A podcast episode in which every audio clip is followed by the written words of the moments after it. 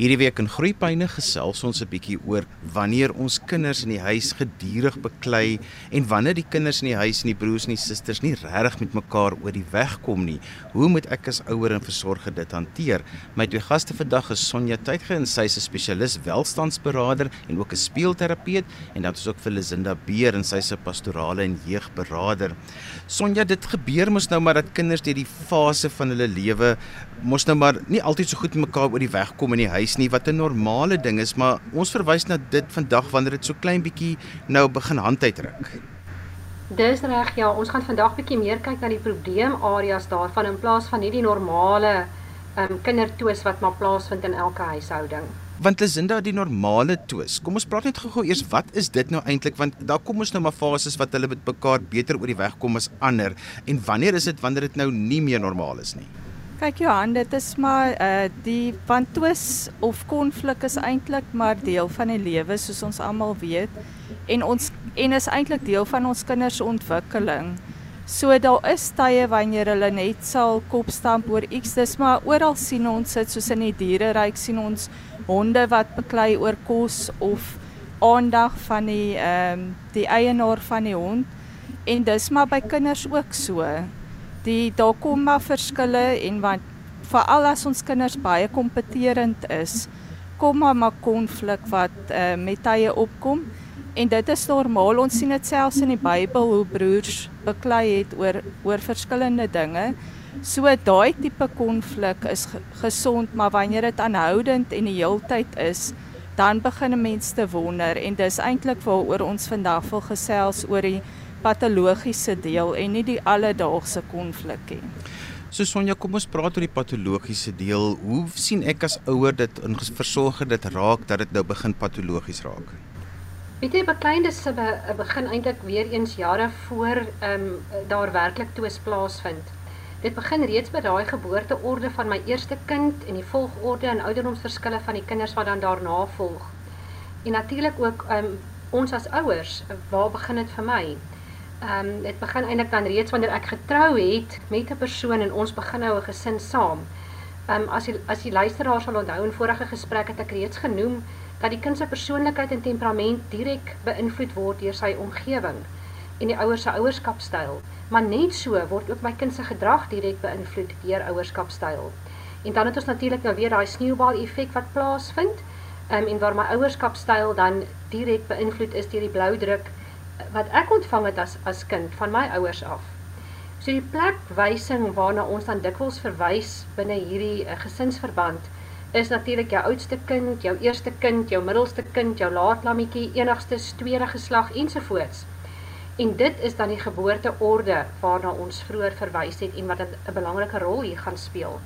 So behalwe vir my ouerskapstyl, asook dan nou die geboorteorde, um, wat wat my kind se gedrag gaan beïnvloed is persoonlikheid en temperament natuurlik ook nou deel van dit, maar so ook die rol wat van elke kind verwag word binne die huishouding. En dis nie noodwendig verbale rolle wat gekommunikeer word nie. Dis meeste van die tyd um indirek um op 'n onbewuste vlak wat hierdie rolverdeling net eenvoudig plaasvind. So dit is dan dikwels wanneer hierdie rolverdeling plaasvind wat die kindertoes reeds 'n baie sterk fondasie in die huishouding kry.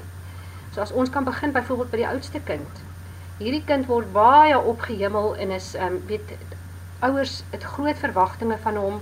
Um, die kind moet die beste wees. Dit is baie keer heel dikwels ook oupas en oumas se eerste kleinkind. So al die aandag is op hierdie kind. Ehm um, hy is die enigste wat alles ontvang van liefde tot aandag. Die oudste kind word dan basies uh, ontroon met die geboorte van die tweede kind.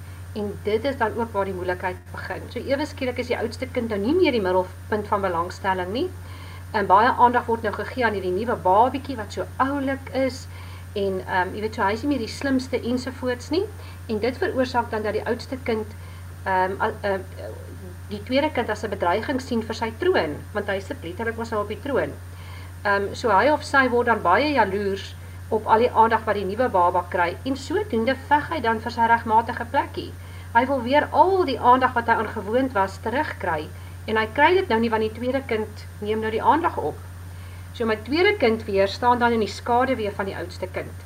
Hierdie kind veg weer om so slim, so selfstandig, so gedissiplineerd te wees soos die oudste kind. En dit is ook dan dikwels um, wanneer ouers um, minder streng is met die tweede kind. Ons gee vir hom minder verantwoordelikhede. Um, hierdie kind kry dan meer aandag. Um, hy word meer soos die babietjie nog in die huis hanteer.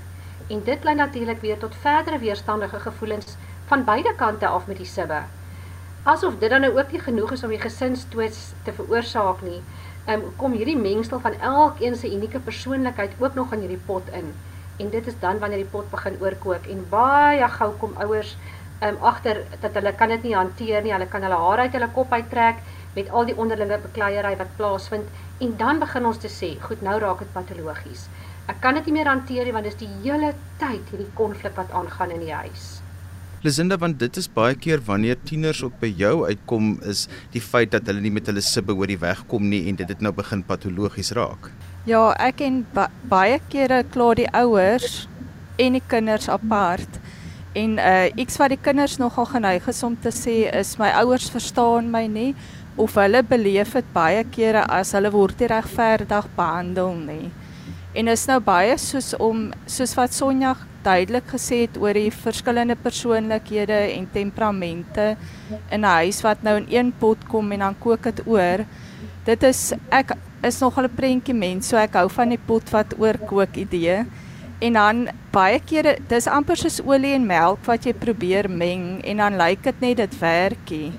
Maar as jy klomp ander bestanddele bygooi, dan kan dit eintlik 'n lieflike koek maak. So ons as ouers moet 'n manier vind hoe om daai olie en melk te laat meng dat dit saamwerk en nie teen mekaar werk nie en dan ook ons kinders wat voel dat uh, my ouers verstaan my nie ons word nie regverdig behandel nie in die huis nie. Want die ander probleem is as jy nou met hierdie kinders in jou huis is wat verskillende temperamente het en verskillend is ons wil nie graag en ons moet nie maar dit is nou soos daai ons wil nie ons kinders dieselfde behandel nie of ons wil maar ons kan nie. Want omdat hulle so verskillend is kan ons nie elke kind dieselfde benader nie. En dan voel hulle baie kere dat hulle nie regverdig behandel word nie omdat ons hulle anders behandel. Dis die uh, sê ding van Anne Bradstreet wat sy sê diverse children have different natures Some are like flesh, which nothing but salt will keep from uh, putrefaction. Some again like tender fruits that are best preserved with sugar. And those parents are wise that can fit their nurture according to, to their nature. So dis 'n nodig dat ons 'n weg vind hoe ons hierdie verskillende temperamente in een huis kan laat saamwerk en nie teen mekaar nie. Sonja, want dit bring my by die vraag en jy het dit genoem net nou toe jy die verskillende faktore genoem het wat nou aanleiding kan gee tot probleme tussen die sibbes is dat die ouerskapstyl speel 'n groot rol. Vertel vir ons 'n klein bietjie meer daarvan want jy het nou al lekker gepraat oor die geboorteorde, maar die ouerskapstyl en wat dan ook kan werk. Hier is so 'n wenke ook daarmee saam. Goed, um, my ouerskapstyl is baie baie belangrik by die opvoeding van my kind en soos ons reeds gesê het, dit beïnvloed eintlik alle aspekte van my persoonlikheid en temperament en hoe ek as volwassene later gaan optree in my lewe en hoe ek natuurlik ouerskap gaan doen. Ek dink vir my is dit nogal belangrik om te sê dat um, um ouers moet eerstens fokus op probleemoplossing. Ons is so geneig om vas te haak op uh, wat gedoen is, met ander woorde die probleem, dat ons vergeet om te kyk na probleemoplossing. En wat ek baie keer ook vir ouers sê in plaas daarvan om te sê maar um, wat het nou hier gebeur? Jy weet wat het wie verkeerd gedoen? Vat een kind en sê maar ek wil net weet van jou. So met ander woorde vertel vir my wat het jy verkeerd gedoen of wat was jou aandeel in die situasie? Jy mag nie jou boetie of jou sussie se naam noem nie of na hulle verwys in dit nie. Ek wil net jou gedeelte weet. So waaraan was jy skuldig met ander woorde? En dan ry jy later om en jy praat met die ander kind op dieselfde manier.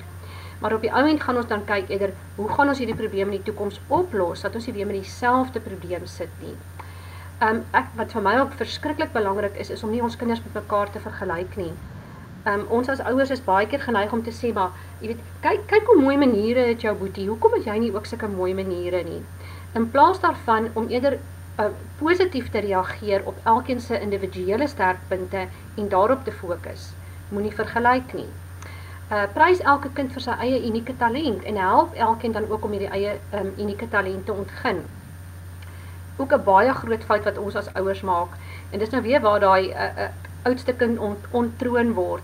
Want ons sê vir ons jonger kind uh, of ons gee ons jonger kind toegang tot ons ouer kind se speelgoed of klere of wat ook al die, die jonger kind wil hê, dan sal ons vir die ouer een sê, maar ehm um, jy moet dit nou vir jou boetie gee om mee te speel want wie hy's jonk, hy's kleiner as jy, hy verstaan nog nie baie mooi nie.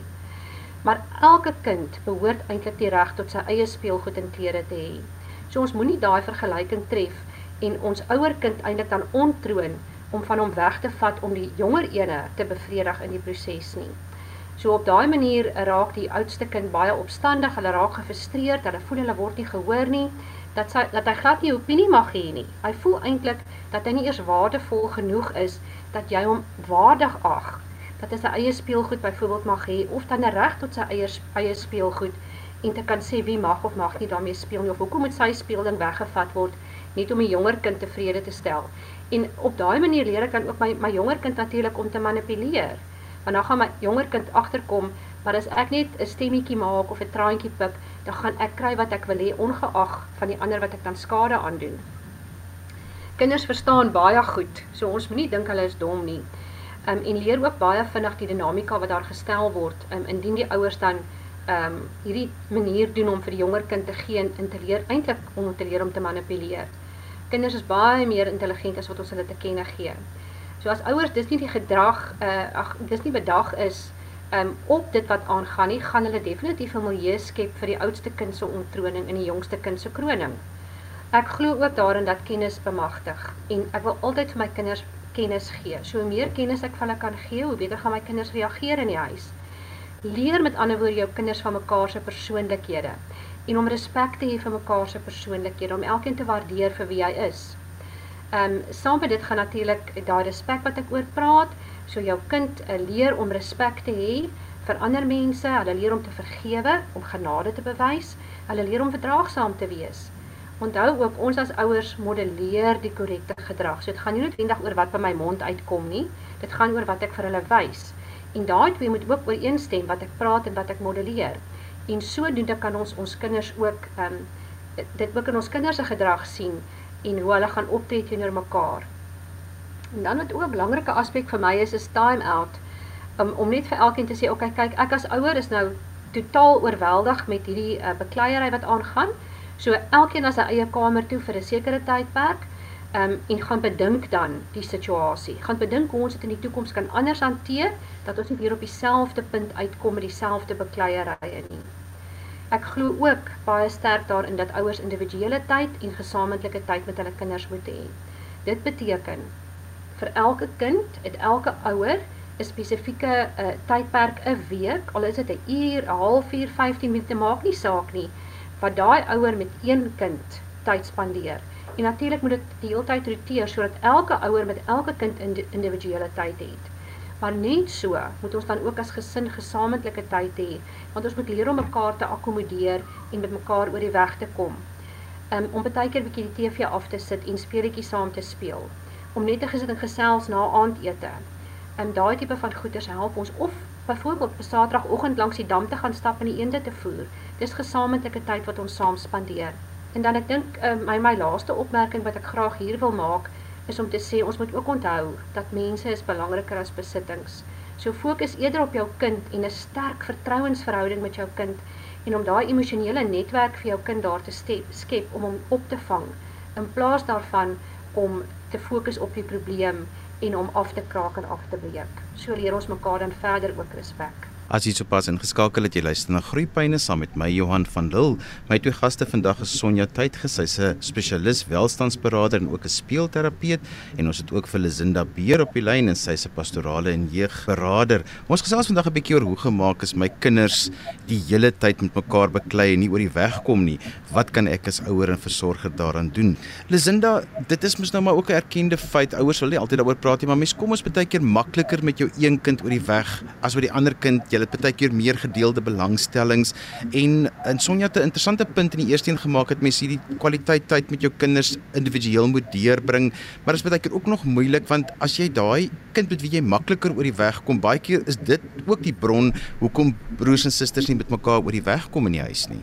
Ja Johan, ek dink die uh ding is waar uh twee ou 'n ouer en 'n kind baie dieselfde is gaan hulle deur fases wat hulle baie maklik oor die weg kom en dan kom maar tyd wanneer hulle maar goed kan koppe stamp omdat hulle so dieselfde is. Maar ek dink mens moet dit wat in jou kind, in elke kind is daar iets spesiaals. En ons moet fokus op daai spesiale kwaliteite en nie dit waaroor ons so seer kop stamp nie. En om uh, te kommunikeer met jou kind om te erken as jy foute gemaak het is ook 'n baie belangrike deel veral in konflik want ons moet onthou ons kinders leer in hulle ouerhuise hoe om konflik te hanteer.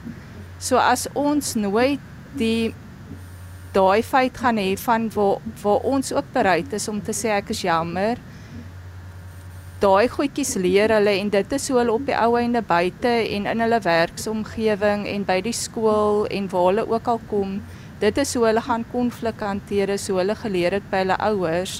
En ek weet dis baie keer is dit makliker om met jou een kind oor die weg te kom omdat jy hom dalk so goed verstaan en jy verstaan jou ander kindie so goed nie. Daarom is dit belangrik om regtig moeite te doen om jou kind te verstaan. En ek dink dit begin by om eerstens jouself te verstaan, om te verstaan hoekom jy dinge doen soos wat jy dit doen. So om jou eie persoonlikheid en jou eie temperament te verstaan, om daar te begin en dan om jou kind te leer verstaan en ook om jou kinders te leer om die die huismense, hulle boeties en sissies en hulle ouers te verstaan hoekom hulle dinge doen soos wat hulle doen ek dink dan is ons al 'n stappie aan die wenkant as ons dit kan regkry. En dan die ander ding wat baie belangrik is wat baie kere tydens konflik in die slag bly is wanneer ons ehm um, verskil van mekaar en wanneer daar konflik is, is ons baie kere geneig om goeters te sê wat ons eintlik moet sê nie. Ons kinders en ons ouers doen dit. En dis belangrik om dit aan te leer om wanneer ek kwaad is oor iets om eerder stil te bly en eerder rustig te raak voordat ek praat. Want dit is ook hoe ons ons kinders se identiteite vorm is deur die goeters wat ons vir hulle sê wat hulle hoor. En daai Sonja ook 'n belangrike ding gesê sy het gepraat oor ons dade en ons woorde moet ooreenstem en dit help nie ons verskree ons kinders of ons sê vir hulle ehm um, goeters wat seer maak en ons doen 'n ander ding nie want die twee moet ooreenstem sodat hulle dieselfde boodskap ontvang van ons as ouers want ons moet ook sorg dat ons hulle identiteit versterk. Want kinders wat 'n goeie selfbeeld het en weet waar hulle identiteit lê hanteer konflik ook baie beter En ek dink daar kan ons veral met met jonger kinders kan ons lekker prakties werk deur papierpoppe te maak en dit uit te speel of deur stories te gebruik. En met ons groter kinders kan ons selfs videosnitte gebruik. Maar om regtig moeite te maak om by jou kinders elkeen individueel so Sonja gesê het uit te kom. En en as gesin ook dat ons leer om mekaar te verstaan en om respek vir mekaar te hê en hoe om elkeen te hanteer wanneer ons in konflik is. Ons het gekom aan die einde van vandag se program. Ek wil so 'n slotgedagte by elkeen van julle hê of so 'n lekker sterk wenk is oor wat moet ek maak as my kinders voortdurend beklei. So kom ons begin by jou Sonja Tydge en dan sê ook sommer as mense met jou verder wil gesels, hoe hulle met jou kan kontak maak. Ek dink ek gaan vashak by die modellering. Ons as ouers het baie mag want dit is ook dan ehm um, wat die vorming van my kind se gedrag gaan be bepaal. So die beste leermeester is modellering. Jy as ouer moet dus die ehm um, regte gedrag of verwagte gedrag of reaksie dan wat jy by jou kind wil leer deur jou woorde ja, maar nog te meer deur jou eie gedrag en die voorbeeld wat jy stel. So om dan modellering uit te sonder, want dit is eintlik waar my kind se magsbasis gaan lê en waar my kind gaan leer van my. Dan my kontakbesonderhede is my e-posadres sonjatydge s o n j a t e i t g e @gmail.com. En is inderdaad beer so 'n laaste wenk en uh, dan ook hoe as mense met jou wil verder gesels, hoe hulle met jou kan kontak maak. Ek wil aansluit by wat Sonja gesê het oor die modellering dat dit is wat ons kinders gaan leer en hoe hulle op die ou ende gaan optree want ons moet onthou ons as ouers is eintlik besig om ons kinders te vorm en te bou En ek wil afsluit met 'n teks wat sê, dit staan in Psalm 144 vers 12 wat sê sodat ons seuns soos plante mag wees wat opgekweek is in hulle jeug en ons dogters soos hoekpilare wat uitgebuitel is na die boustyl van 'n paleis. En as iemand met my wil kontak maak, kan hulle vir my 'n boodskap stuur op 071 364 3218. En so gesels Sonja Tydgen en Zinda Beer en ons het vandag gesels hoe kan ek maak as my kinders in die huis voortdurend met mekaar beklei en dit later so erg raak dat ek dit nie meer kan uithou nie.